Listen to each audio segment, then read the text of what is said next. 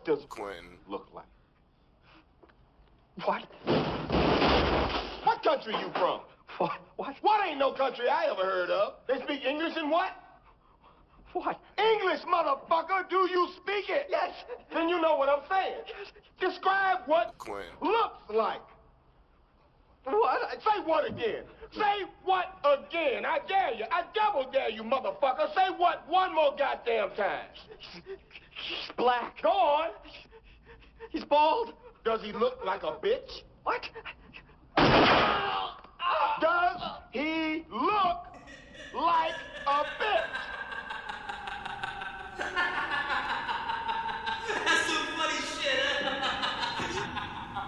All right, Ramblers, let's get rambling.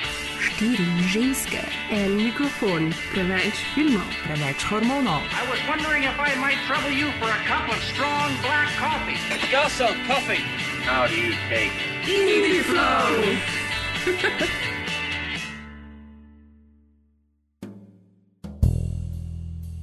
Lepo pozdravljeni v novem petem Indie Flowu. Indie Flow je serija podkastov, v katerih se podajamo skozi zgodovino ameriškega neodvisnega filma v osmih enournih oddajah. Na tej poti se ustavimo na ključnih dogodkih, ki so zaznamovali neodvisni film, spoznavamo pa tudi avtorje, ki so zavedno spremenili način, na katerega gledamo filme. Z vami smo tudi tokrat Ana, Živijo. Maja V. Oh, hej. Mislim, da Zdravo, sem je živijo. druga, ta druga na vrsti, ja, ko nas Aha. zadnja. Well, tokrat smo te dali na drugo Jej. mesto. Nekaj dobrega si naredila. In na tretjo? Na tretjem mestu Maja P. Hi. In na zadnjem mestu Bojana. Jasno, živijo. Če spremljate Indie Flow, potem že veste, da nas lahko najdete, kje je Maja P. A, najdete nas lahko na spletni strani www.filmflow.js in www.aparatus.js in tudi na uh, vseh možnih in nemožnih družbenih in družabnih omrežij, kot so Facebook, na katerem smo FilmFlow.tm. FilmFlow.tm smo prav tako na Twitterju in FilmFlow podcast smo na Instagramu. Tokrat se bomo podali v zgodnja 90-ta, v ZDA, v čas, ko so v mainstream filmu vladali pompozni hollywoodski blockbusteri z vrtoglavimi proračuni in muhastimi zvezdniki. Ti so reševali naš planet pred katastrofami, seveda, kadar niso bili preveč okupirani z osodnimi ženskami, ki so se potem neizbežno izkazale za psihopatske morilke. Res je, ogromno takih filmov mm -hmm. smo lahko videli v 90-ih. Kot naprimer Titanic, tam je full psihopatska ženska. Res je. Najbolj Um, psihopatska. od Najbolj, ja. Pod, cela, cela, cela, ja. Aha, ja, wow, ok. Res je. Ja, no, ja, nice. pač v, v angleščini so boats ponovadi ši. Ja, Mislim, da slovenščini dajo, jim vedno ženska imena. Razen Titanic, zato se je pa potopil A. Well, things are gonna get stranger. Ti isti ljudje, ki so eh, potapljali ladje mm -hmm. ali so bili ladje, so se um, potem spet drugič recimo borili s predsotki, z ajcom in z ostalimi oh, nadlogami sveta, ki se, um, ki se je pa v tistem času neizbežno spremenjal v globalno vas. Nič manj razborljivo kot v mainstream pa ni bilo v paralelnem vesolju neodvisnega filma, k čemur so pripomogle vedno cenejše možnosti produkcije, v smislu how low can you go. Pa ne v tistem smislu, ki mislite, ampak pač eh, produkcijskem, kot uh, imam lahko še bolj čip kamero, pa jo naredim potem, da bo zgledala čist huda. Še vedno za, je bilo za ult- ultimativni uspeh in potencialno plačano enosmerno letalsko karto do Los Angelesa potrebno navdušiti na festivalu Sundanceu, o katerem smo nekaj malega spregovorili v zadnji oddaji. Um, in je v bistvu v zgodnjih 90-ih postal že inštitucija. In če si pa res imel srečo, sta tvoj film odkupila podjetna brata Weinstein in ga na krilih Miramax studija ponesla do večne slave. Eden od teh srečnežev je bil tudi 29-letni scenarist, ki je pred režijo svojega prvega celovečerca izkušnje nabiral v lokalni videoteki. Those were a thing.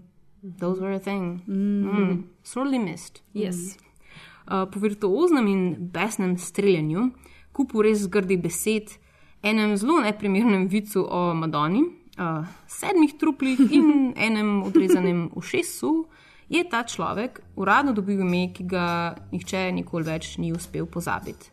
Uh, in zaradi tega Quentin Tarantino. Uh, o njem in vsem, kar je prispevalo k njegovim začetkom, bomo danes poskušali povedati več v petem delu serije Indie Flow.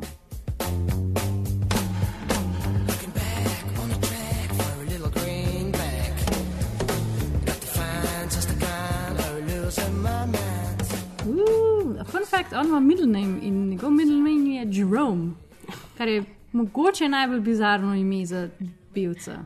Je pa res, da se je. Quentin njegova Jerome. niger duša. Ja, Ja, res je. Mm. Ker se je seveda rodil v Tennesseeju, ne? Ja. ki je pač najbolj zahojena pa država. odraščal, v Teksasu tudi. Kjer, pride, pridejo vsi piščanci. Wow.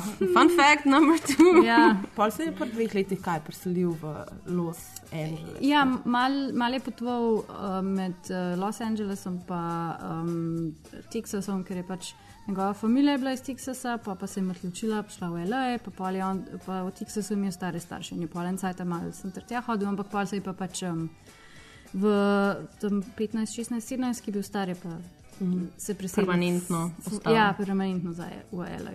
Mm. Kjer je tudi, mislim, da hodil v šolo. Pa ne dolg. Pa ne Ja, vem, ker je pol ker pač pustil. Ja, ker delati v, v, videoteki je so much better, kot hoditi v šolo. Mislim, da je pustil zato, ker je hotel biti igralec. Ja, ja, ja. On je v bistvu hotel biti igralec in je, uh, mislim, da takrat pri teh 16, rosnih 16 letih začel delati v, uh, v kinodvorani, kjer so predvajali porno filme, Ja, v porno, pornografije. porno film. Kjer se je v bistvu zlagal, koliko je star, da dejansko ne bi smel delati ja kot bil je bilater tam. bileter, ja, tako, Ja. tako, tako je. Uh, tako da jaz mislim, da je potem hodil na neke delavnice, igralske, Mhm. mm -hmm. potem je pa še lepo, po enih 23 letih začel delati v tej video archive, Ja. uh, videoteki. Ne, in potem Tem pri trin- store.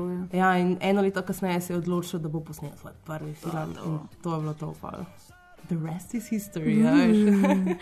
Ja, pač mislim, on je, on je ta ultimativni cinefil. ne. To, to je v bistvu pač uh, prva stvar, ki jo vsi poudarjajo pri Tarantinu. Ne. On je zdaj uh, sedel ure in ure v tej videoteki in gledal vse. Pač on ni bil, recimo, ne, art kino snob, ne bom zdaj samo tarkovskega gledal, ne bom samo pač francozov. Ne. On je gledal pač, kar mu je prišlo pod prste. Ne. Ja, on je v bistvu gledal čisto vse slabe, dobre filme, francoske, evropske, art filme, karkoli, kar Azijske. mogoče normalni američani ne bi niti podrazili. Italijanske, ne. Italijanske, špageti, westerne. Japonske. Ja.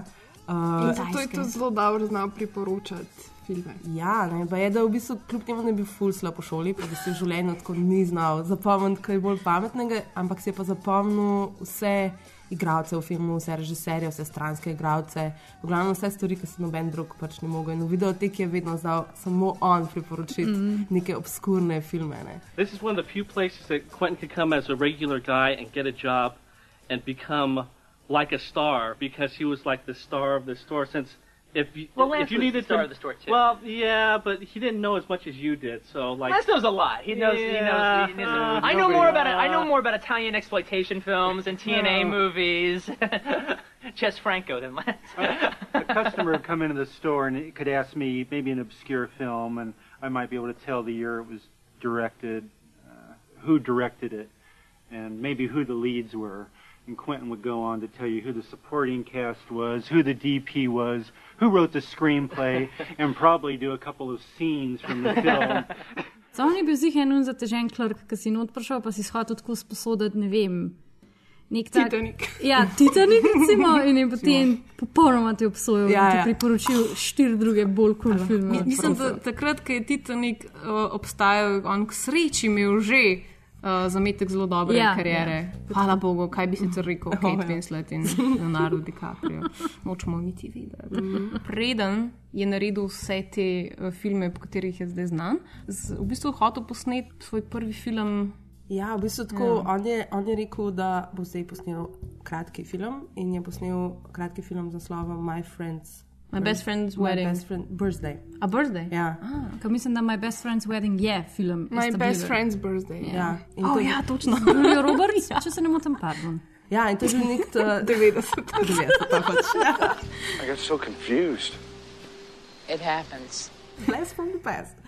V glavnem, ja, to je bil pač nek kratki film, črno-bel na 16 mm kamero, je posnel s svojimi kolegi. Ja, mislim, da je en ta fun fact spet, da je S pa. kolegom iz videoteke, ne, sta Ja. bila No, skupina. ja, ja, ja. Mislim, da je ta neka prva verzija, pa zdaj ne vem, um, ali je to zdaj uh, urbana legenda, ampak to, kar sem jaz gledala, uh, enkrat že zelo dolgo nazaj in kar naj bi bili ti obstoječi posnetki, ki so Mhm. še ostali, uh -huh. ker očitno je potem, uh, kaj že zgodilo. Ja, se? pač ni, ni več Ja, teh zgoreli so ali nekaj. ja. Pač zgo, zelo dramatično je bilo, tako kot Mhm. v um, Inglourious Bastards. Um, v glavnem, in fora je bila v tem, da so pač ta film snemali skozi um, security kamero. Mhm. Pač tako da imaš vse posneto v bistvu z enega kota. Z strehe, v bistvu z vrha, in je pač, uh, se ljudje sprehajajo okoli. Pač, um, zvok so potem posebej snemali, da so lahko ga sinhronizirali zraven, ampak je pač res bilo bizarna zadeva. Mislim, da se da pač na internetu to zbrskati. No. Ja, pa mislim, da tudi ni najbolj ponosen na ta film. Ne, mislim, da, da, da definitivno ne. Ja. ja. Ja, pa naprej je naredil scenarij za True Romance, potem je napisal nov scenarij. Za film Natural Born Killers. Ja, Natural Čeprav Born mislim, da je Killers. to nekako vse uh, istočasno potekalo. Ja, ker v ne? bistvu je tudi za From Dusk Till Dawn je on že začel, mislim, da je to bilo prvo naročilo njegovo, je bilo kao, da pač. Um, Ki je bilo napiše, plačano. Ja, ja, ja. Mm -hmm. to ni bil pač kao spek scenarij, ampak Ja. ja. pač uh, tak, ki so mu ga naročili in naj bi napisal ja, pač From Dusk Till Dawn, ki je potem zelo dolg čas bil v tem nekem development hellu. Začel je pa v bistvu z, um, s filmi potem uh, Oliverja Stona. Ne? Ja, ne vem, mislim, jaz vem, kako zdaj to poteka, zaradi tega, ker um, filmi so malo kasneje, Natural Romance je 93, mm. -hmm. pa Natural Born Killers je 94, kar pomeni, da je to vse po uh, Reservoir Dogs. Gledala sem en intervju z njim, uh -huh. kjer je on v bistvu govoril, kako je dobesedno izgubil to motivacijo, da bo sploh hratel režiser. Ker prvo je napisal pač prvi scenarij, hotel zbrati na milijon dolarjev, ni valjda zbral. Potem je napisal drug scenarij, hotel polovico manj denarja zbrati, ker je videl, da očitno pač tako ne bo šlo. Ni ratal, je potem napisal Reservoir Dogs, ki je rekel, ok, fuck it, jaz bom to posnel s full low budget. Ja. Posnel bom sam s svojimi prijatelji, posnel bom s črn, črno-belo Mhm. 16 mm kamero. In pa je prišel pač ta njegov kolega uh Mhm. -huh. Lawrence, ki je bil pa v bistvu tudi uh, producent, uh Mhm. -huh. Lawrence Bender. igravec, ja, Lawrence uh Mhm. -huh. Bender. In je, in je pa rekel, oh, fakt, to je pa tako res najboljši scenarij, jaz sem zdaj pomagal zbrati za ta film. In on tako, ne, ne, ne, brez veze, lej, to sem jaz prej že delal, ne bo šlo skozi. In pa na koncu se je pač zgodba razvila naprej, da je ta scenarij šel iz roke v roke in je pa uh, prišel v roke Kajtelu. Uh -huh. Oziroma ženi njegovi. Ženi njegovi? Ja, Ja. ženi njegovi, ki je v bistvu bila kolegica od učitelja, od Lawrencea, za igro, v glavnem, ful, tako bizarna Ja. povezava. What happened was he, his acting, he was taking an acting class. His acting teacher's wife is an actress who knows Harvey in the actor's studio. So Lawrence got the script to his acting teacher. His acting teacher read it and liked it and gave it to his wife. His wife read it and liked it, and she put it in Harvey's hands at the actor's studio. Three days later, you know, Harvey calls me on the phone and says, Hi, is this Quentin Tarantino? I'm Harvey Keitel. And I want you to know I think the script is magnificent. It's absolutely magnificent. I would like to be, vo- very like to be part of it. I really would. I, would- I would like to, I'd like to even help produce it if I possibly could, you know. And it was like? Kaj Telmo je tudi omogočil, da je v bistvu imel te neke bolj proper casting kole, pa to, da je potem lahko skestal Tim Rosa in vse te ostale. Ker pač noben od njih, pač od noben od casta, razen kaj Tela, ni bil zdaj glih nek big name, ampak vse glih so pa to bliže semi-etablirani neki igralci, ki pač so že imeli neko zgodovino in pač je mogel pristopiti do njih malo bolj resno, tako da je kaj Tel tudi to omogočil, da so pol posneli. Ja, je pa v resnici pa tudi dobil možnost, da eh, razvija scenarij ne, na uh, Sundance uh, Writers Labu. Uh -huh. Tako da tam mislim, da mu je Monte Hillman tudi pomagal. Pa, um, A, ne tam sta se spoznala Gilliam Tako, tako da uh, je šel čez ta Sundance treatment. Ja, je bila pa ena taka ful zanimiva anekdota, ki je na Sundanceu bil na tej delavnici in je posnel pač par prizorov iz, mislim, da celo Reservoir Dogs, res. In je prišla prva skupina teh kritikov, ne, tudi neka slavna imena so bila. In tako, a ne, to je kar nekaj, to, to dialogi so čist preveč dolgi, to so whatever, ti široki koti, vse vidim, sam, sam tla se vidi, nič drugega. In tako čist, čist so ga skritizirali, pride noter druga skupina, pač je eden izmed njih je bil tudi Terry Gilliam noter. Mhm. In so bili čist navdušeni, mm. ampak so videli, da je on tako ful pretiraval, ker je imel toliko velike energije. And it was this is where the Sundance Institute, I think, was a very useful thing because he went there with all this energy and all these ideas and his big chance to show everything he could do, and he did it all in each of these short scenes. He did every. There were camera angles here, they were everywhere. The camera wouldn't stay still. It was up people's noses, down their throats. It was, woo, and you couldn't see anything. And it's, and I think that was a really useful thing for him to get out of his system. I think somebody had a talk with him and, said, "You have to just slow down here." Itak je bil to njegov odprl film Mhm. ne, in on ni bil samozavesten še dovolj in ga je bilo ful strah, kako bom jaz zdaj režiral Harvija Kejtela in tako naprej. Pa tudi je imel ta feeling, ki še ni vedel čistočen, kaj sploh pomeni biti režiser. Ne. Mhm. In je mislil, da to pomeni, da moraš ti vedeti, da zdaj mora biti blago, ta, tak in tak material mora biti. Ampak moj pa mislim, da glih Terry Gilliam rekel, da ja, ti rabiš samo imeti dobro ekipo, moraš zbrati dobre ljudi, ki znajo delati. In oni pa to nam s tebe delajo, Mhm. ti jih samo pač usmerjaš. Ta ne. tipičen cinefil, ne, kak pač mi recimo, ko smo, tako smo pristopali, veš, ne, recimo prvem, kao, pač, a, kako se film dela, oh, fuck, on pač vse more vedeti, ne, Mhm. katero kamero in to, ne, in pač, če ne hodiš na filmsko akademijo oziroma na šolo, ne, kjer ti razložijo stvari, kaj kdo dela, pač si moraš ti svoje, po svoje zamišljati, kaj so oni ljudje v kreditih sploh, ne, Ja. tako da, je dobra izkušnja, ki jo imel na Sundanceu, ne. Še boljša pa potem tista, ko so film dejansko prikazali in uh, je zmagal. Ne, no. Ne, nobene nagrade ni dobil, sam, Sam- bil je pa oh, wow. film, mislim, ful je pač Šokantno. dobil kultni following, Mm, mm, ne mm. tako, ampak ni pa dobil nobene nagrade Mislim- dejansko. In mislim, da jim to še zdaj mečkan zamere. Ja, je, valjda. Ne, meni je, ti imaš le nekaj v scenariju napisan, da ko so videli ljudje na Mhm. Sundanceu ta film, je bila to taka reakcija, da so, Mhm. da so pač Mhm. basically ven iz dvorane bežali, kar meni, mislim, ne vem, če so Mhm. zares. Ampak Ja, tako, je, legenda je celo, da je Ve- Wes Craven ne, um, zbežal Wes ven iz Craven? Oh my Ampak God. tako, vse tako jaz si sam predstavljam, tako zihar je mogel iti na WC. Ja, Ja, zdaj. Mislim, ker to, Ne. ker That's vse- how you make history, people. ker pač sej film je kar precej brutalen, pa Mm. tako pač zelo, like, your classical Tarantino, but there's lots of blood pa vsega, ampak pač tako. Ampak je Ampak ta- vse tako drugačen, da pač te tako potegne naprej, da ni tako brut, brutalno. Pač, ne, ful si težko predstavljam, kakšna je bila reakcija, ker pač filmov okrog 90-ih brutalnih, drugih je bilo ful. Ja, ampak mislim, da je fora prav v tem, da pač Sundance občinstvo ni bilo Ja. yeah. vajeno takih filmov. Zato, ker na Sundanceu je bila ta politika mal nenasilnih filmov. Ne? Mm. So izbirali bolj neke take um, drame, neke mm. v bistvu oko, pač okoljevarstvene. Vedno so bili ne, nek ta pač Topic eh, films. easy alternativa. Ne? Mm. Ker tudi v bistvu za Reservoir Dogs oziroma za stekle pse. In mislim, da, je, da so imeli prav to debato, ali bi ga sploh vključili v program, zaradi tega, ker takrat je bila še debata, ali so sploh žanrski filmi, art mm. filmi, ali to sploh mm. paše na naš festival. In pač zaradi tega je bilo to tako šokantno, ne? ker v resnici, mislim, tako kot si rekla, je bilo ful več filmov. V tistih časih, ko so bili ful bolj nasilni kot yeah. ta. Anyway, audiences worldwide were first introduced to Quentin Tarantino with Reservoir Dogs.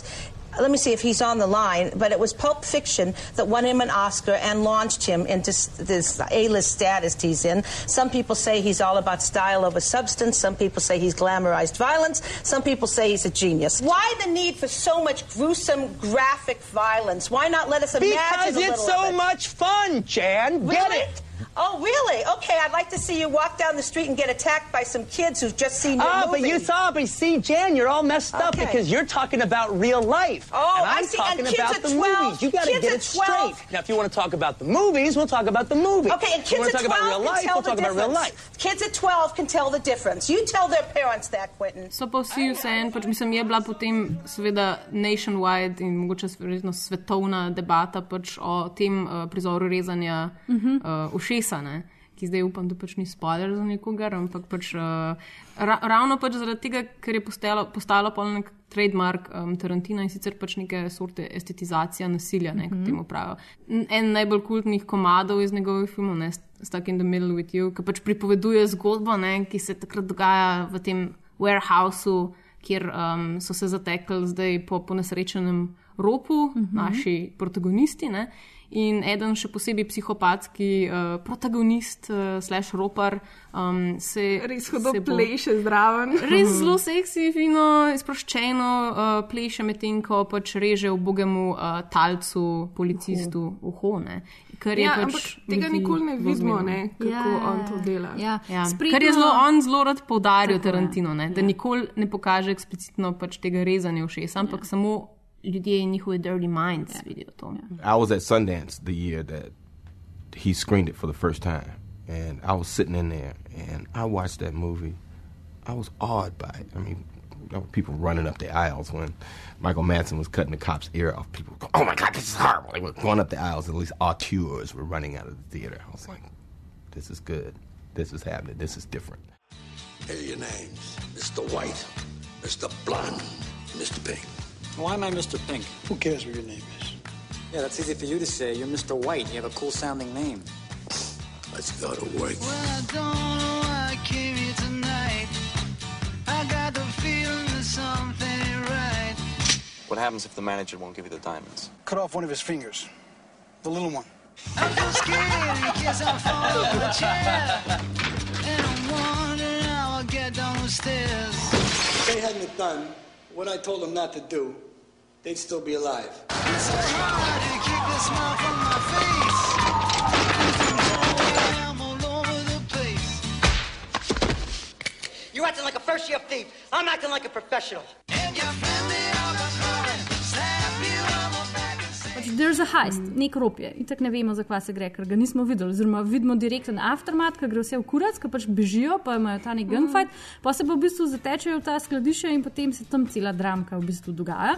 In v Z bistvu nekimi določenimi flashbacki, Ja, ja, ja, oziroma tako. z neko alternativno ne, narativo. Ja, narativo. Niso čist glih klasični. Ne, ja, ampak ne, nikoli ne vidimo tega prizora, ki so oni. Vem, se oni. O, ja, vidimo ta prizor, ki se menijo, da bodo to naredili, pol to naredijo, pa pol vidimo flashbacke, približno kaj se zgodi, ne? pa pač vidiš različne verzije, glede na to, kjer lik ti, ti govori, ampak pač pol ni. ni. To je to. Pa se Mhm. oni v bistvu ukvarjajo s tem, ko bodo zdaj prišli ven iz tega zoca. In pač se pogovarjajo, se sam pač pogovarjajo. V rokah enega pač eh, nespretnega režiserja bi bil to najbolj boring film na svetu. Tle pa v bistvu skozi švicaš zraven. pa se Humorna zgubi. drama bi bila, Ja, ne? tako je. V bistvu. Saj Tarantino prav za svoje filme, da so drama, čeprav jih mi, po mojem, res ne dojemamo tako, kot so pač ulicam. Harvey Keitel, Tim Roth, Chris Penn, Steve Buscemi, Lawrence Tierney, and Michael Madsen. They're the Reservoir Dogs. Hey, Joe, want me to shoot this guy?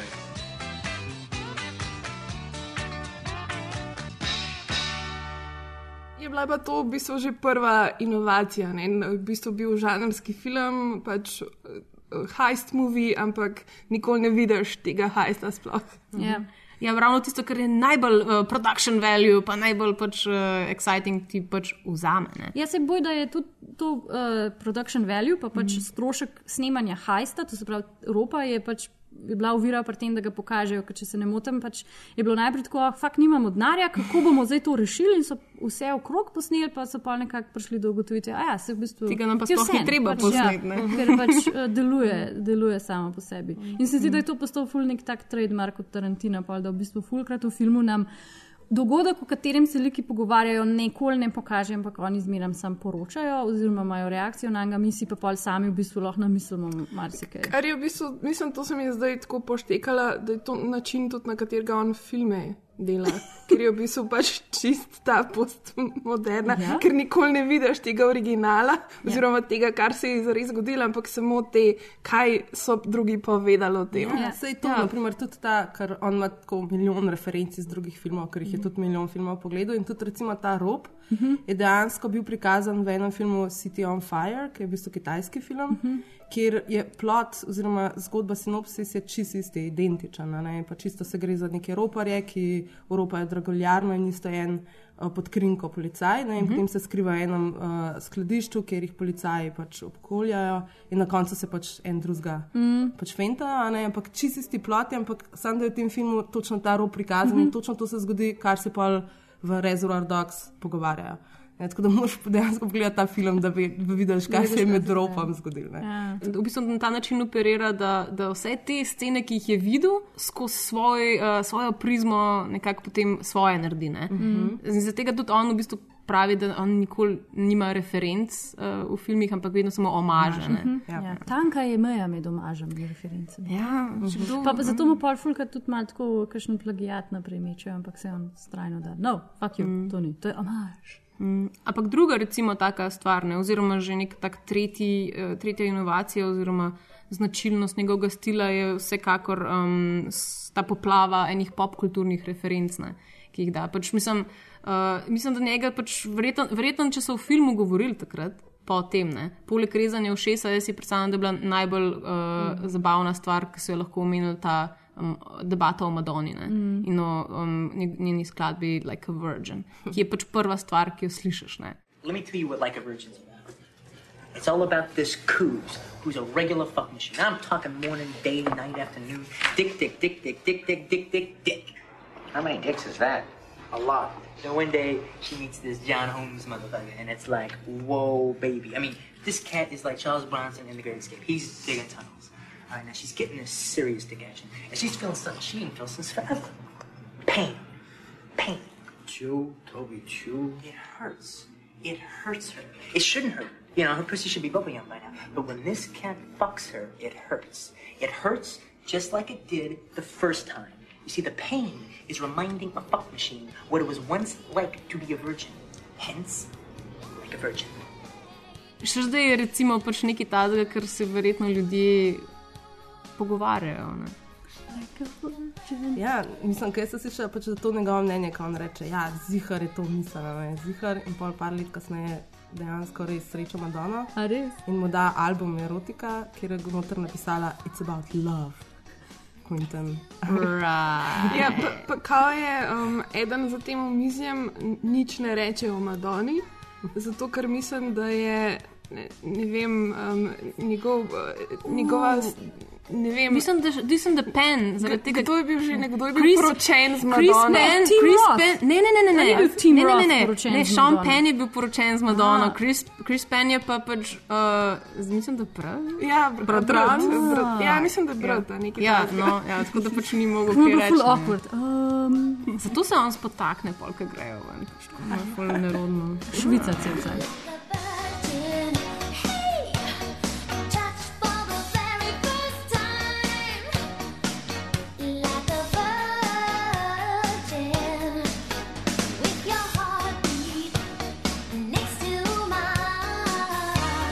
Vsi dialogi so tako, da se v bistvu liki med sabo skozi kregajo, te, kaj je moralno, kaj je prav, kaj mm. ni prav. Tako se mi zdi, da tudi pri Madoni je tako, da lahko bi šel either way. ne. Mhm. Pač, uh, eni se strinjajo z njim, eni se ne. Pač, Tleka za mizo stojijo, vsak ima neko svoje prepričanje, pa vsak ima nek svoj pogled na svet.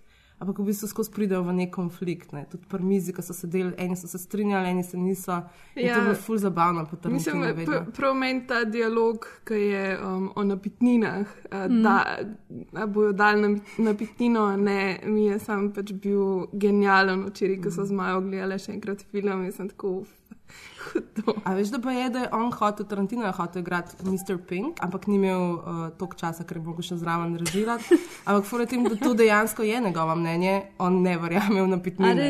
In on se s tem ful strinja. Wow. Mi je bilo ful ironično, Ja. ja. ker je v filmu pa rekel, oh, no. Jaz se res dobro zagovarja, ne? tako v Ja. bistvu pač se kar postaviš Ja, na, na ja, njegovo drugo stran. Mene pa vsi ti njegovi dialogi, jih tako pač. Ha, veš, da v bistvu to et, ni pomembno per se za zgodbo, ker pač to have, nič nima v povezavi z zgodbo. Ful je dober character development, pa, pač, da ti okarakter- okarakterizira različne like. Ampak jaz sem se nam dalj cajt trajajo te scene, bolj sem žučna. Zato, ker pač vem, da underlying se v bistvu oni pogovarjajo o čist nečem drugem in to pač fulkrat on naredi. Se pač to je tretja Vedno inovacija. oziroma- napetost, Tako, in vedno pač postav, pač imaš ti cele neke fucked up scene, pa se pa pač pogovarjajo ljudi o tem, ali je zdaj kava dobra, pa kako kuhati kavo, ali je t- o, o pač banalnostih. In Pač, ampak za gledalce je pa to samo no, oh oh oh my god, I'm gonna die, I'm gonna die, to je full napet, kdo bo zdaj koga ubil, what the fuck is going on. In pač tako, po pravici ena jaz pač pol nikoli ne spremljam tako zdaj, kdo je kjer mnenje o Madoni, ampak sem tako diham globoko po upanju, da je scena minila, pa da pač bojo, ok, ja, šli so zdaj stran, ok. To zdaj v bistvu on inkorporira vsak pač, uh, film s temi pač, popkulturnimi referencami. Ja. Ker je pač način, kako se ljudje v resnici pogovarjajo. Ne? In on je rekel, ja, jaz si vedno pač zapisujem, jaz sem kot goba. ne. Pač preprosto slišim ene pogovore in potem jih um, potem naredim tako, da se moji liki pogovarjajo med sabo. Pač v resnici. Ne? Ja, ker itak je Reservoir Dogs, ne, kljub temu, da je nizkoproračunski film, je večinoma stvari so res igralci naredili, ker so vsi igralci full dobri. Mm. In tudi recimo meni je zanimivo, kako so raznoliki karakteri, ne, ker ponovadi, če se ti scenarist, ponovadi pišeš skoraj identične like, ker lahko izhajaš iz sebe. Medtem, ko Reservoir Dogs je pa vsak lik full detailno Uh, ima pač uh, neko osebnost. Ne. Mhm. Tudi vem, da za vsak lik je bila predpisana posebna pijača, uh, vsak lik je imel pač neke lastnosti karakterne, ki so bile samo za njega značilne. ne. Mm. In se mi zdi, da je to ful dobro. On je v bistvu na nek način tako kot uh, potem Wes Anderson, ne, ustvarja malo to svoje vesolje, ne, ker pač zelo znano je tudi, da ima te svoje brende. Ne, imaš pač Red Apple cigarette, pa imaš pač um, Big Kahuna um, burger in te scene, ki se potem, v recimo Red Apple se, po, se pojavijo skoraj v vsakem pač, uh, filmu njegovem. Mm.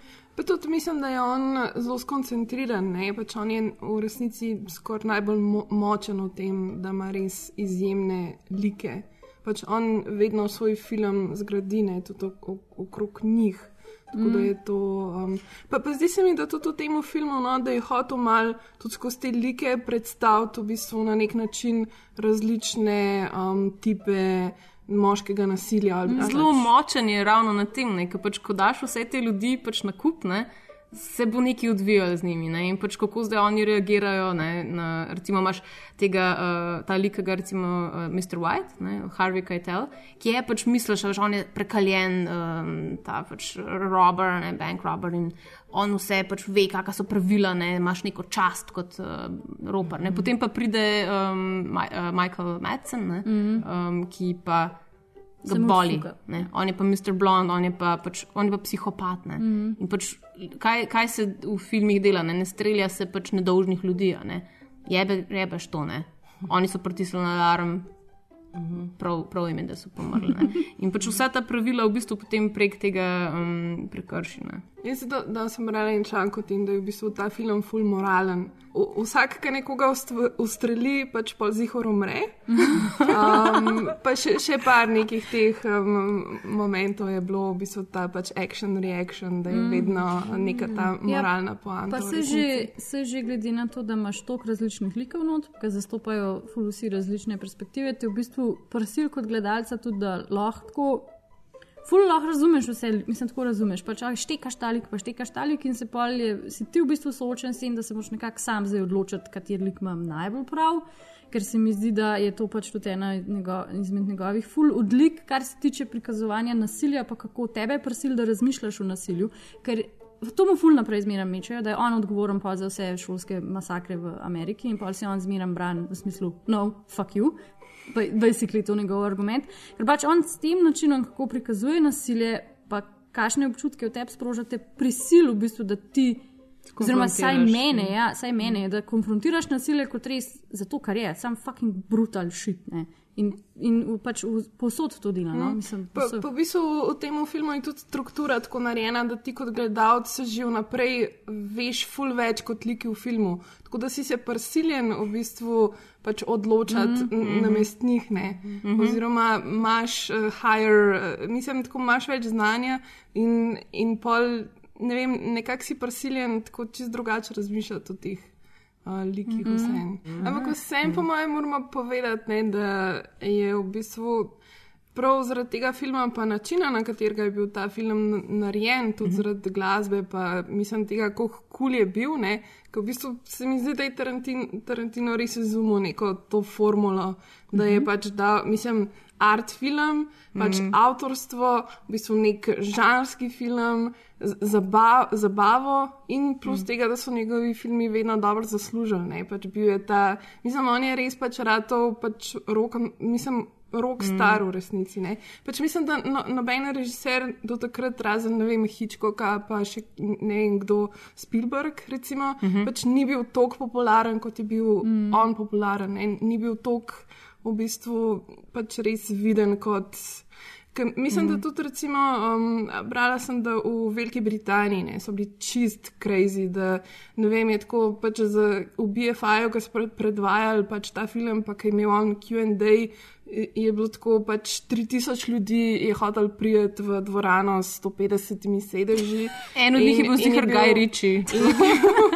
Čisti kaos in pa je Ja. tudi v Veliki Britaniji dejansko pač ful več zaslužil Mhm. mm. film kot v celi Ameriki. Ja, tudi tu ta, recimo, ne, zdaj, če, smo, če zaključimo recimo, o inovacijah, ne, pač je to, po mojem, tisto, kar, so, kar se potem sploh v šundu njegovem naslednjem filmu uh, izkristalizira na polno. Ne? Da pač um, v tej fazi je bila ta nelira- len- nelinearna uh, v bistvu struktura pač čist nekaj tazga, kar pač mislim, da niso takrat.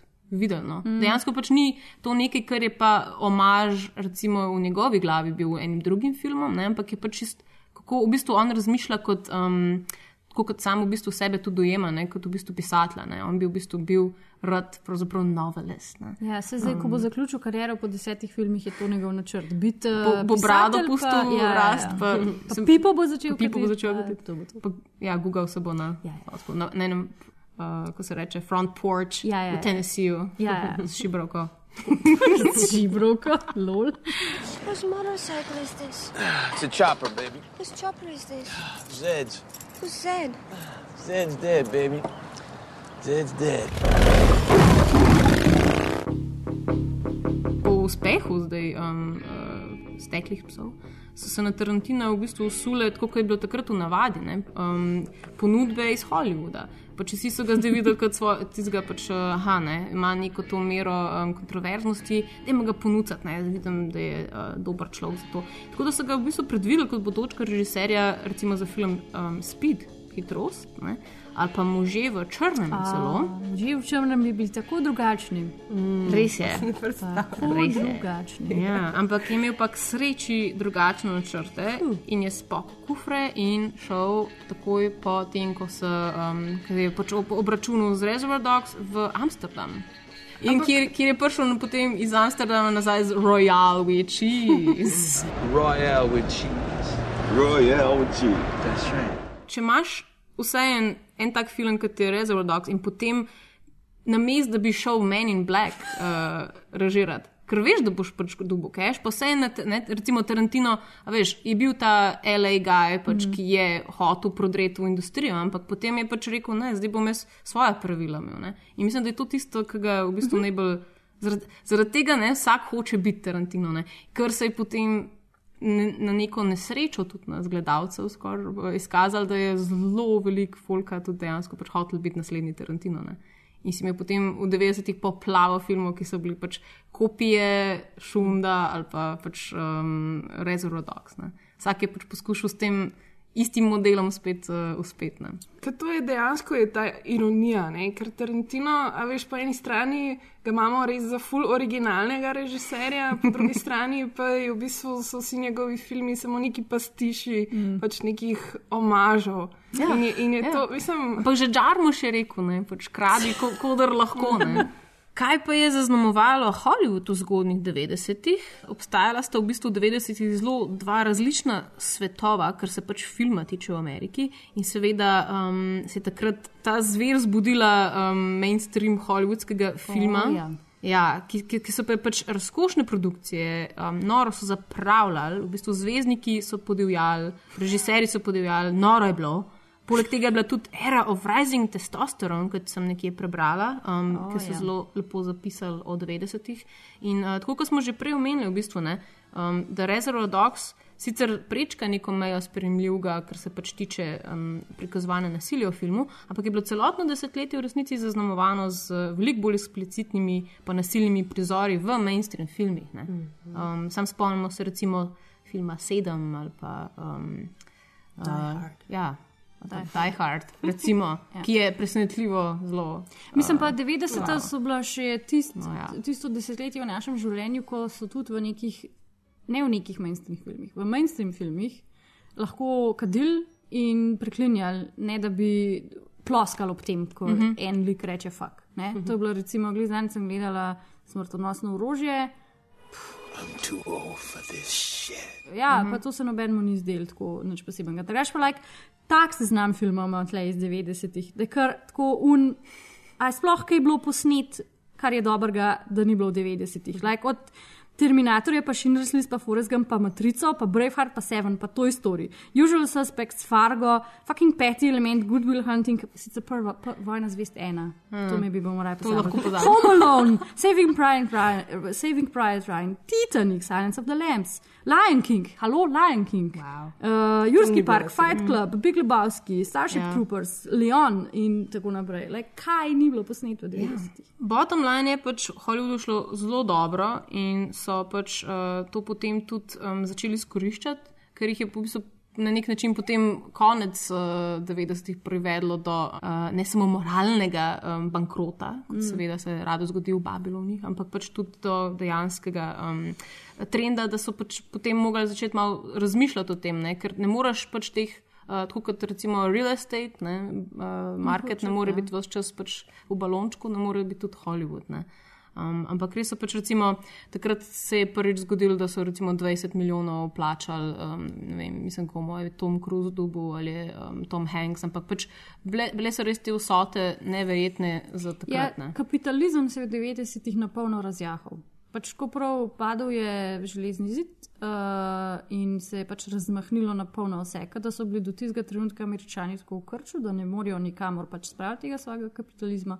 Pa se je pa v 90-ih vse začelo na polno dogajati. Tudi pogojeno s tem, da je pač tehnologija naredila full velik skok naprej, pač prišel je internet properly, Mhm. globalizacija se je začela res globalno delati.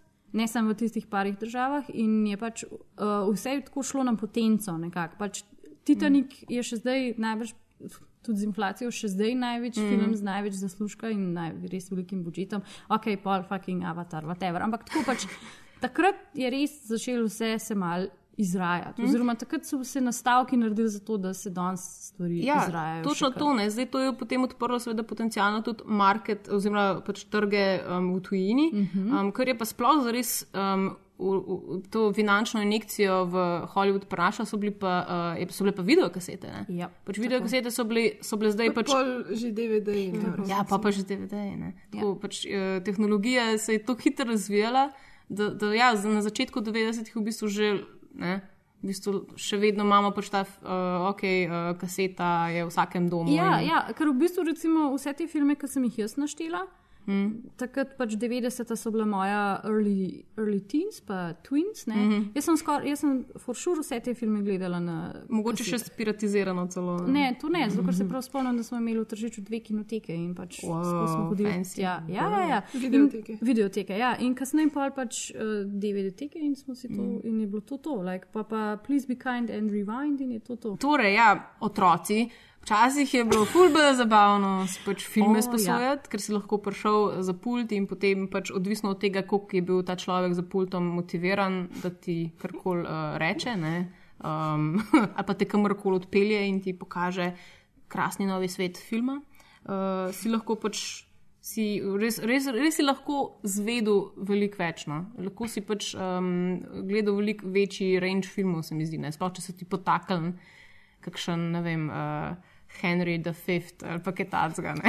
Ja, ne, včasih, včasih si prišel v videoteko in si bil tako, ah, hočem nekaj gledati. In pa sem Mm. odprišel in randomly nekaj potegnil, karkoli, se ni važno, se ni svedel. In si Zdaj pač pa gledal pač in lahko bilo dobro, lahko ni bilo dobro. Ja. Ja, sem, a veš pač na Netflixu, mislim tako. Če hočeš piratizirati, imaš zdaj si relativno limited, kaj boš piratiziral. Zato, ker ful teh nekih treš za noč filmov ali pa filmov, ki se vrtijo popoldan na pop TV-ju, ful ne moreš piratizirati, če bi, rad, če bi jih rad gledal. Moš imeti res uh, dostop do zapuščene videoteke, da to pogledaš. Ker to so zihkašni uh, mm. B-treasury. Ja, seveda, s tem, s tem pride tudi ta fenomen straight to uh, video. DVD ne. oziroma ja, video. video Mhm. Ker pač Ja. je v resnici rešil zelo veliko filmov. ne. Ker Kar se na začetku zdi ena zelo ponižujoča stvar za film, da ga pač ne odprejo v kinodvoranah, ne, je v resnici potem bila zakrinkana priložnost, da te pa čez deset let ali pa čez 20 celo pač odkrije um, flota enih cinefilov, kakršne je recimo Tarantino ne, in potem tvoj film pač postane kultni. kulten. Ja. ne. Zdaj, te studiji, ne, te veliki, so pa, um, kot smo že zadnjič ugotovili, uh, zelo radi potem snubali avtorje iz neodvisnega sveta, sploh zaradi tega, um, ker so vedeli, da zagotovo znajo delati dobre stvari poceni. um, in so seveda prepoznali potencial poslovnega modela um, takšnega. Uh, in je potem v bistvu posledično privedlo to do enega pravega pravcatega fetiša low budget filmov. Um, namreč filmi so se začeli pravzaprav oglaševati prek tega, kako mal so stali. ne. In je pač, uh, recimo, vem, tam okrog 30 tisoč uh, dolarjev je bila neka ta kao bottom line. da Tam si lahko Wow. šel, to klov si lahko šel, pa si pač še imel film. Uh, ki si ga lahko pač gledal. Mm. Potem se je pa pojavil recimo El Mariachi od eh, Roberta Rodrigueza eh, leta 1992. Uh, in Rodriguez je ta film zelo, um, pač on je naredil kariero na začetku uh, iz tega, da pač za nič denarja snimamo. Nič. Tako, ne, ne, ne govorite mi 100 dolarjev, ne govorite mi pač, ne vem, 1000 dolarjev, nič denarja. pač Ja, vse nam- si sposoben, ljudje delajo si za ston. Pač to, je bila, to je bila njegova um, uh, home film school za Sam nič hočem preveriti, če je to ta film z Antonijo Banderasom. A, ne, ne, to- to pa je- to je pa? Desperado. A, Desperado, pizda, to sem Ampak El Mariachi je isti. Sam ne z Antonijom Ja. Banderasom, Ja. right? Ja. Exactly. Ker pač Pač Antonijo Banderas je mehiško- hotel mehiško delati za nič. Je. Mehiško, mehiško. Mehiško govorijo. Mehičani so pa Mehiško delati. govorijo, Vem. špansko govorijo. Vem, sem vedela, da bo še kaj. Ampak glavno, pač fora je bilo v tem, da je, da je pač to je tako daleč pošlo, da je on je rekel, ok, jaz sem za 7000 uh, dolarjev to posnel. Ne? To je bila, to je bila kao um, šokantna novica, ker so pač potem vsi rekli, kako je to mogoče, ne, zakaj pa prej niso. Pač fora je v tem, da jasno, da pač če ti, um, to si ti plačal za recimo neke, ne vem, za produkcijo, za recimo za neke kopije 16 uh, mm filma, ne, potem pa če hočeš ti to v distribucijo dati, mora pa nekdo za tebe založiti, da to uh, poveča na uh -huh. 35 mm film. Ne. In seveda, Kolumbija, pač studio, ki je kupil ta film potem uh, po uspehu na festivalih, ne, um, je seveda porabil zelo veliko krat več kot 7000 uh, dolarjev za to. Ampak pač bottom line je, ja, da pač takrat je ta fetiš nastal, ne, da koliko koliko v bistvu lahko poceni delamo vsi filme. ne. Um, in zaradi tega, posledično je potem v zgodnih 90-ih prišlo tako daleč, da so studiji začeli odpirati podružnice, ki so bile in nekatere še vedno so in zelo uspešno specializirane za take sorte produkcijo. Uh, ali pa za nakup, in takrat tudi uh, za distribucijo, predvsem art in neodvisnih filmov. Ne? Mislim, da sem najle en full dober citat, ki mi je bil res tako. Indie film je v 90-ih postal eufemizem za majhno studijsko produkcijo. Res je. Pač, uh, zdaj imamo vse uh, zgleda in čuti, in pač, uh, imaš, imaš recimo posebne teme, in vse. In pač razvija se mini industrija potem neodvisnega filma, ki seveda ni, ne ustreza več prvotni um, definiciji. Ne. Še več o tem bomo um, sploh v naslednjih oddajah povedali, ko postane. indie pride, fa- indie postane žanr, ne ja, več ko v bistvu postanemo, ko pridemo do Indie-Wooda, ne, tako, tako kot ga poznamo. Yes. A famous filmmaker a while back said something about everything you need to know about film, you can learn in about a week. He was being generous. You can learn it in 10 minutes. Set your watches. We'll be out of here in 10, kids. Okay, so you want to be a filmmaker? Yes. Wrong. You are a filmmaker. The moment you think about that you want to be a filmmaker, you're that. Make yourself a business card that says you're a filmmaker, pass them out to your friends. As soon as you get that over with and you got it in your mind that you're one, you'll be one. You'll start thinking like one. Don't dream about being a filmmaker. You are a filmmaker. Now let's get down to business. Let's play. Ja, Tarantino je bil mogoče najbolj glasen, ampak seveda še zdaleč ne edini avtor, ki je vstopil na sceno v tej dobi neodvisnega filma. Um, in kot smo rekli, mnogi so poskušali zajahati te razburkane valove, ki so nastali po um, steklih psih in šundu. Ampak tukaj nas seveda ne zanimajo copy-paste variante, ampak izvirni glasovi. Da, in vsaj trije med njimi so vredni, da se jih spominjamo in se jih tudi bomo, eh, ker imamo ravno toliko časa še. Um, kdo boljši bi bil za to kot uh, Kevin Smith? Ja, res je. Kevin Smith bi bil res najboljši za to. Res. um, basically se bi, jaz- bi jaz rekla, da se Kevina Smitha najbolj spomnimo kot Silent Boba iz filma Dogma. Ki ga je seveda on naredil, ker je to njegov film. Uh, ampak Kevin Smith je v bistvu pomemben in relevanten, zato ker je leta 1994 naredil Clerks. Ta film je naredil glih uh, rahlo pod mejo dovoljenega budžeta za indie film, za približno 27.800 evrov. Ampak basically je um, on um, je bil bolj slab učenec. Pa nič ni prav, kaj hotel delati, uh, bil je pa full inspiriran by movies and by culture and everything. In je potem v bistvu na svoj 21. rojstni dan šel gledat uh, od Linklaterja um, Slacker in ga je videl. In se mu je zdelo osem noro, koliko je Linklater lahko posnel film, kar tako doma in the backyard, basically, ne? oziroma pri njemu na šoli in si je mislil, hej, I can do that. In je to naredil s Clerks. In potem on je nazaj šel, tam je bil, mislim, da v New Jerseyju, mm. -hmm. dobil nazaj svoj job v prav tej trgovini in tam posnel film. In to je basically zelo lep, fleten, fantastičen črno-bel film. Ki govori zgodbo o tem, kako klerksi nič ne delajo cel dan in se zabavajo gor in In seveda imajo zraven pač video teko. Seveda imajo zraven videoteko. Um, in tam on v bistvu predstavlja ta karakter, ki ga mi vsi poznamo, Silent Boba, um, kasneje naredi Silent Bob and Jay Strike Back, pa Dogmo in še nekaj drugih um, ful zanimivih filmov. Um, mogoče je tudi to zanimivo povedati, da je Clerks na Sundanceu bil predstavljen in dobil tam um, Filmmakers Trophy. Um, in je taka majhna kamarica Ja, ja majhna kamarica. Ne, nagradica za pač film, mm. ki ni sicer- doboglavne nagrade, ampak se je uh, ljudem zdelo pametno, da mu dajo eno nagrado. This job would be great if it wasn't for the fucking customers. Jesus, I'm gonna hear from the boss tomorrow. Oh, would you loosen up? You'd feel a hell of a lot better if you just rip into the occasional customer. You know who I can do without? I could do without the people in the video store. Which ones? All of them. They never rent quality flicks. They always pick the most intellectually devoid movie on the racks. Ooh, Navy SEALs. It's like in order to join, they have to have an IQ less than their shoe size. Uh, drugače pa pač on, tako vse stranski, talentiran človek za pisanje knjig, snemanje filmov, naredil je pač, uh, kaj že un. Neki, neki make a porno, to nikoli se ne Mhm, Zack and Miri Tako, Porno, tako ja. ta film. Uh, To je zadnji dober film, kar se Tako. tiče. Uh, Prej ste omenjali Tusk, da jaz to moram gledati, ker je bojda noro, dobro in ful za Mhm. noč tudi. Tako da Tusk vam bom še priporočila, da si ga skupaj ogledamo. Drugač pa, um, ker je pač uh, Kevin Smith tako vsestranski, je tudi uh, naše baže človek in dela od 2007 podcast, ki se imenuje Smodcast.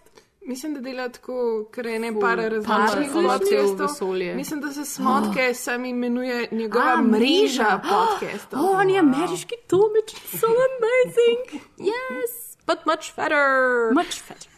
Je, recimo, meni je bilo fuz zanimivo, da eden od teh podcastov, ki ga dela, obstaja samo zato, da je um, uh, ta Muse, uh, Jason Muse, uh -huh. uh, on, ki ta, ki igra um, uh, uh, Jaya. Mhm. Uh, ja, je pač uh, rehabilitiral ga skozi ta podcast, uh, ker je bil pač hud drug addict Oh, wow, ne, in je bil okej. s uh, ja, uh, heroinom zasvojen. Ja. In potem mu je dal pač tukaj platformo, skozi katero lahko govori. Lepo njega. In ja, je še vedno živ.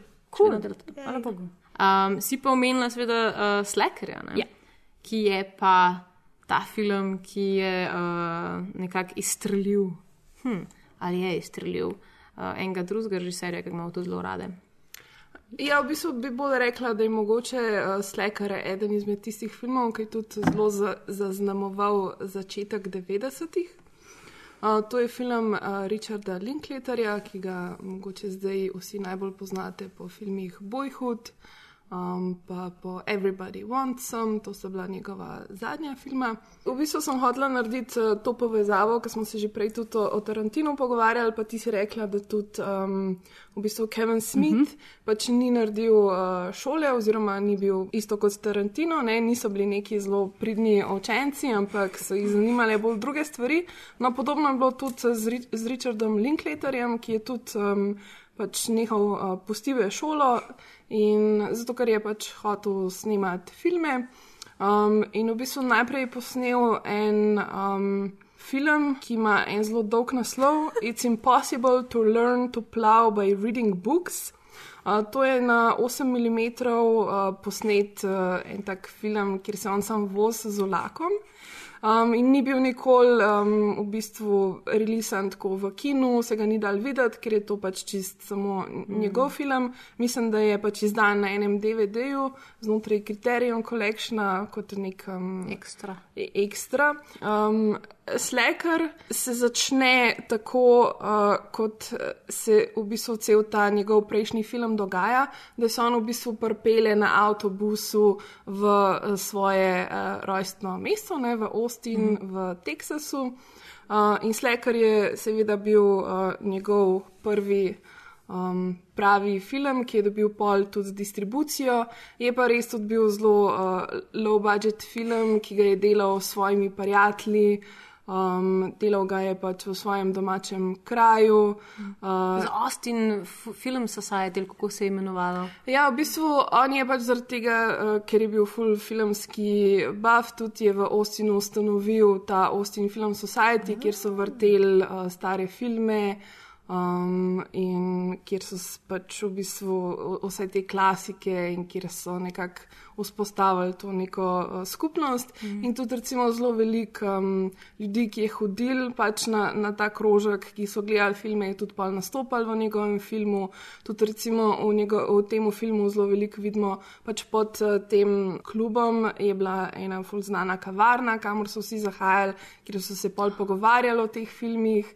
In to je tudi recimo vključeno v, um, v ta film. Se mi pa zdi, da je recimo dosti podobnosti tudi med tem, kako je Tarantino delal, pa kako je on delal ta film. Um, saj, pač, ko sem zdaj, ko sem jih gledala skupaj, se mi je nekako zdelo, da so neke te usporednice. Recimo oba dva igrata tudi doskrat v svojih filmih, um, oziroma vsaj v teh prvih sta. Mm. Um, v obeh teh filmih so neke reference na Madono. Um, Točno, Madonin, kaj že? Oh, neki grozni. Sramna dlaka, Ja. mislim. wow. Neki, ki bi zdaj na, na uh, eBayu prodajal. Ja. Um, potem recimo oba filma se igrata malo z narativo, ker recimo glih Slacker je bil, um, v Slackeru se je Linklater tako zelo poig- poigral s tem, da ni zares nobene zgodbe, ampak imaš ti samo like in en lik te vodi k drugemu, oziroma kot je on temu rekel, imaš nekako samo, da skačeš iz enega filma v drug film, ker v bistvu vsak ta lik, ki ga spremljaš, uh, bi v vsakem tem liku lahko posnel nek svoj film, ampak v bistvu ti samo skačeš zdaj iz nekih, um, iz Moment. enega filma v, v drug film.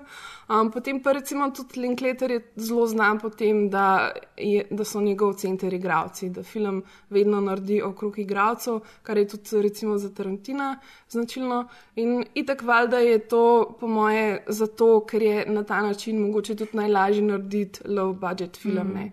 ker pač se skoncentriraš res na, na, na igravce, na zgodbo okrog njih. In uh, potem ne raboš imeti um, posnet nekega um, ropa v banki ali pa kakih podobnih um, stvari. So what are you up to? Same old, same old. Just lollygagging around. Still unemployed. Um, in this band. Well, the one I was in before, but now we've changed our name. Ta-da! We're the ultimate losers now. And uh, the singer is still a jerk. And, um, well, we're playing this Friday. If, if you want to come, I can put you on the list. Sleeping a lot. Nekako je prišel ven v začetku 90-ih in um, takrat se je tudi um, je šla ta knjiga Generacija X in nekako so takrat v tem času glih iznajdeli to nek, neko novo uh, generacijo in so potem to etiketo te nove generacije, ki uh, so sami zabošanti, nič ne delajo in um, pač so popolnoma neperspektivni in pač prelepili na ta film, kar Linklaterju res ni bilo všeč. Zaradi tega, ker kot on pravi, ne, mislim, mi vsak ta, ta lik v filmu vidimo maksimalno 3 do 4 minute. Mm. In pač v teh 3 do 4 po- minutah absolutno ne moreš vedeti, kaj ti ljudje počnejo.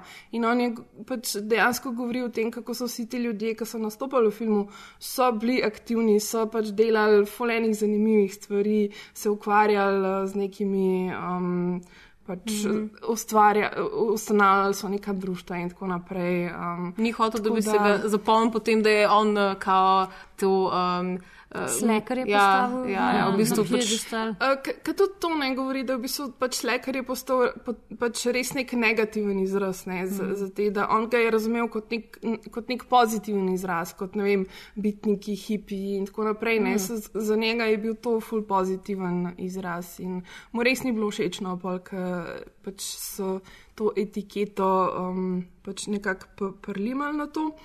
Um, pa ta film tudi tako zelo zgleda, da je totalno zimproviziran, um, ampak v resnici je zelo uh, natančno napisan.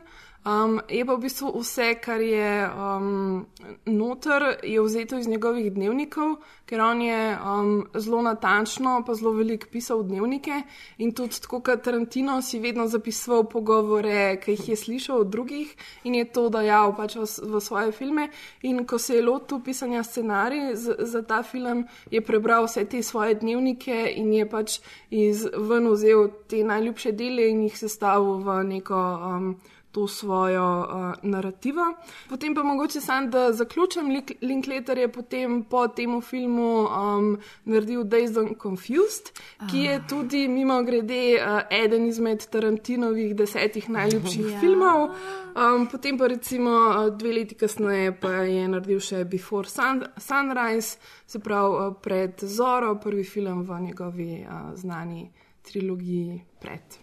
I don't think I'm going to be able to make it for lunch today. I'm sorry.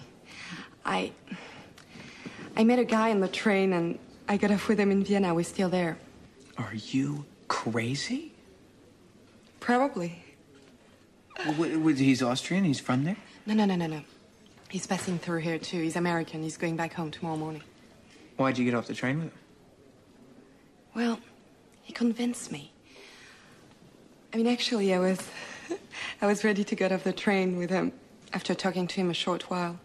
He was so sweet, I couldn't help it. We were in the lunch car, and he began to talk about him as a little boy seeing his great grandmother's ghost. I think that's when I fell for him. Just the idea of this little boy with all those beautiful dreams. He's Michael Moore, America's favorite whistleblower. The man in everyone's face. The guy asking the question Are we a nation of gun nuts or just plain nuts? Zadnji avtor, Michael Moore, je pa v bistvu eden izmed bolj kontroverznih uh, režiserjev dokumentarnih filmov v Ameriki. Uh, zdaj v njegovih filmih, uh, kot vem, ni nikjer referiral Madone ali pa se ni nikjer pogovarjal o Madoni. Je pa uh, najbolj zaslovel s filmom Fahrenheit uh, 9-11, ki govori uh, o času Bushove Administracije. administracije in takrat, ko je v bistvu tudi bil napad na dvojčka in napad na Irak in ta film je dobil pol tudi nagrado Palm d'Or. Ampak prvi film, ki ga je naredil, je bil pa naslov uh, Roger and Me. In sicer ga je naredil leta 1989, to pomeni lih, lih na prehodu v 90. Uh, in sicer je bil to tako zelo osebni film, ker se je šel v bistvu njegovem uh, rodnem mestu Flintu, Michiganu, kjer so zaprli večinoma, oziroma počasi vse tovarne od General Motors. a ne. Mhm. In zdaj v teh tovarnah je bilo pa zaposlenih večinoma prebivalstva v tem mestu, ker on je tam v bistvu odraščal, a ne bil je majhen. In tudi njegov oče je delal v General Motors tovarni. glavnem Cele generacije so, Cele generacije ja. so tako odraščale. No, in potem je pač, valjda, seveda, brezposobnost ful narasla.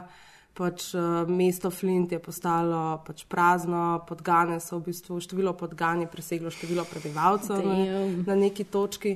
In se v bistvu uh, Roger Moore v tem filmu tako satirično loti cele zadeve in gre v bistvu iskat generalnega direktorja General Motorsa, da ga vpraša, kaj zdaj in zakaj je to naredil. ne. Mhm. In v bistvu ga on za cel film v bistvu išče paralelno, ne, ko on hoče priti na sestanek z njim, je pa pol ta. V bistvu vidimo pa lahko te družine, ki stradajo, ki jih v bistvu deložirajo z njihovih domov. Pol na koncu ne, pač ne pride do tega sestanka, ampak pač samo pokaže to socialno stisko v Ameriki tistega časa. Zdaj, kako se je on lotil tega filma, je pa tako da zanimivo, da je v bistvu gledal televizijo in General Motors je imel pač to najavo, da bo zaprl še več tovarn in se je on res razjezil, zato ker je bil ful znan po temu, da je bil že, ko je bil v gimnaziji, že ful kontroverzen. a ne. In je tudi on, je recimo pustil gimnazijo in šel, Hmm, nek rdičen šel po nik. svoje. Uh, je bil pol tudi urednik uh, časopisa v Flintu, pol je šel v Los Angeles za nekaj časa, kjer mu ni rad ali pa uh, tej reviji, ki so ga dosti hitro odpustili po štirih mesecih, je mogel že nazaj. Ampak je dobil visoko odpravnino in se je potem odločil, da bo naredil brez kakršnega koli filmskega znanja pač svoj Oh. uh, prvi film in da bo pač malo razjasnil te stvari. a ne. Hi, I'm Michael Moore. In my hometown of Flint, Michigan, General Motors closed the factories and put 30,000 people out of work. To raise their spirits, I made this movie. Tako da je pa imel garažne razprodaje, v nekem trenutku je še prodal svojo hišo, da je lahko zbral teh 250 tisoč dolarjev, da je lahko pa posnel v dveh letih, je pa naredil ta film. A ne, in ta film je bil res zanimiv, ker je bil tak nenavaden, kar se tiče dokumentarnih filmov iz tega Mm. časa, ker dokumentarni filmi so bili ponovadi pač tako dosti duhomorni, pač uh, podali so samo neka dejstva. Michael Moore se je pa lotil to drugače, ne, pristopil je pač z neko, neko tako ironično noto, malo se je ponorčeval tudi iz uh, tega um, Rogerja Smitha, generalnega direktorja. Pač vsi liki noter so prikazani z, z neko ironijo, pa neko satiro, ne, kar je dosti nenavadno za dokumentarni film, da je Mm. smešen. Ne. Mm. Um, plus tega so mu veliko uh, odčitali to, da je kronološko ni imel kronološkega zaporedja, Mhm. mm -hmm. ni upošteval. Ne. To pomeni, da je v bistvu dogodke malo med sabo mešal, kot se je njemu zdelo. Tako v bistvu film je bil dosti njegovo subjektivno mnenje podajo. Ne. Ampak ravno to je pa ljudi pol spodbudilo, da so šli ta film gledati, ker je bil zabaven, ker je v bistvu povedal nekaj, kar se je dogajalo tudi v njihovem življenju, ampak je v bistvu bil bolj privlačen za širšo množico. Ne. In s tem je on tudi v bistvu te informacije in tudi način, kako mi gledamo v bistvu ta kapitalistični sistem, ki je uničil gospodarstvo v začetku 90-ih let, je nekako bolj približal ljudem, da so bolj vedeli, zakaj se gre. In v bistvu s tem dokumentarcem, po mojem mnenju, uh, en, so začeli dokumentarci delati res ključne spremembe, ki so Mhm. bile dosti hitro očitne in vidne. Mm. In to že en, prva stvar je, da je spremenil pač pogled uh, američanov na kapitalizem in kako se stvari pač tam uh, dogajajo. Um, druga stvar je pa to, da je v bistvu General Motors po tem filmu recimo izgubil delnice, so mu upadle mm. za 8%. Ne? In tudi uh, Roger Smith, generalni direktor, je imel kar velike probleme mm. ne, Mhm. z obdržanjem pod svoje pozicije po te, temu dokumentarnemu filmu. In ta dokumentarni film je v bistvu tudi vplival na naslednje um, dokumentariste, ki so se mogoče teh tem ful na podoben način lotile, ne, tako kot Super Size Me, ki se je lotil McDonald'sa in tako naprej. tudi Al Gore, ki je imel pač ta. Inconvenient, uh, uh, Inconvenient ja. Truth. Ja. Uh, naprimer, to so vsi tako bolj populistični Mhm. dokumentarni filmi, ki so sicer temeljijo na nekih dejstvih, ne, ampak Mhm. je pa dosti tako. Ampak to bolj uh, na no. naše eh, čustve vpliva. Ja, ful vpliva mi- na- Jaz ja. se ful spomnim El Gorovega filma, ki tam pokažem ga uh, polarnega medvedka, ki se stopi na ledeni ploskvi in smo bili pa mi vsi tako, oh my god, no. Ja, Ja, ampak res je naredil, recimo, ne, dokumentarci sploh niso recimo, bili taki filmi, ki bi jih recimo trumajo ljudi hodili Mm. gledati. Ne. Niso bili bankabilni tudi za, recimo, mm. -hmm. za uh, um, distributerje. Ne.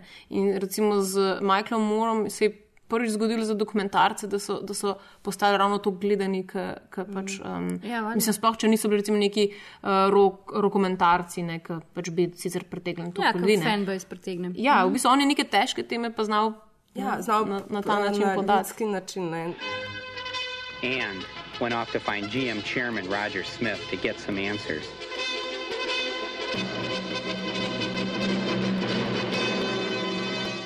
Roger and Me, selected as one of the year's 10 best by the New York Times. See this movie. Thousands have. You'll enjoy it. After all, I made you a star.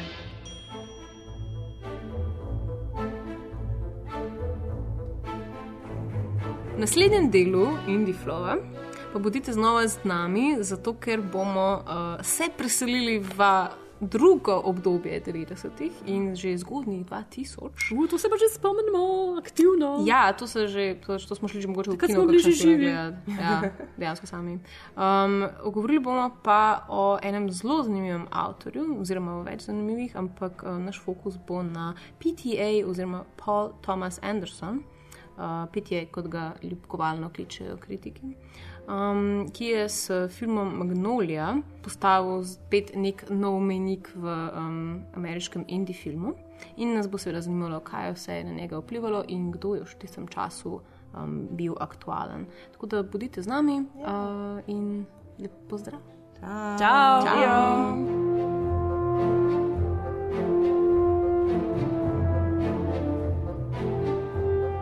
When Paul Thomas Anderson was seven years old, he is said to have written in a notebook, My name is Paul Anderson. I want to be a writer, producer, director, special effects man. I know how to do everything and I know everything. Please hire me. Today, he is credited with being at the forefront of a new generation of young auteur filmmakers breaking from Hollywood convention. His current film, Magnolia, continues in that tradition, and here is a trailer.